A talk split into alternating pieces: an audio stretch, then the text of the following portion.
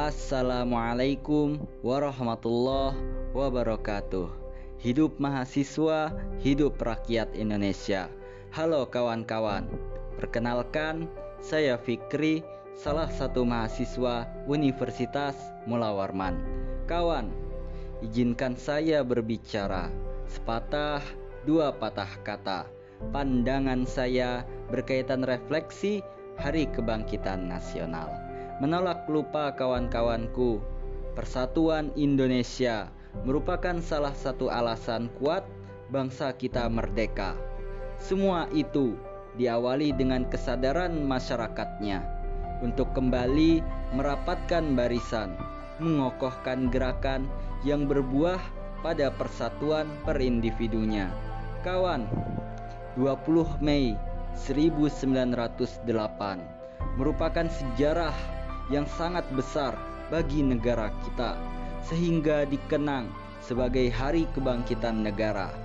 Refleksi hari ini kawanku, sudah seharusnya kita meningkatkan semangat kita, rasa cinta dan sayang kita kepada negara guna menumbuhkan kehidupan yang lebih baik dengan nuansa persatuan, rekatkan jalinan persaudaraan, rapatkan barisan perjuangan Negara kita saat ini membutuhkan bantuan, aksi, narasi, karya guna perbaikan Indonesia yang lebih baik ke depan. Kawanku, refleksi momentum kebangkitan merupakan momentum persatuan muda-mudi untuk memperjuangkan sebuah mimpi yang telah menjadi nawacita setiap pribadi.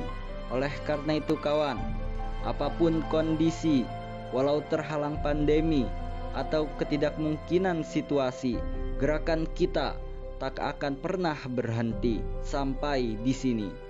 Karena kita muda-mudi harapan negeri, sudah seharusnya kita paham akan urgensi yang kan selalu beraksi dan berkreasi demi menggapai cita-cita yang tinggi dan mewarnai negeri dengan realisasi mimpi.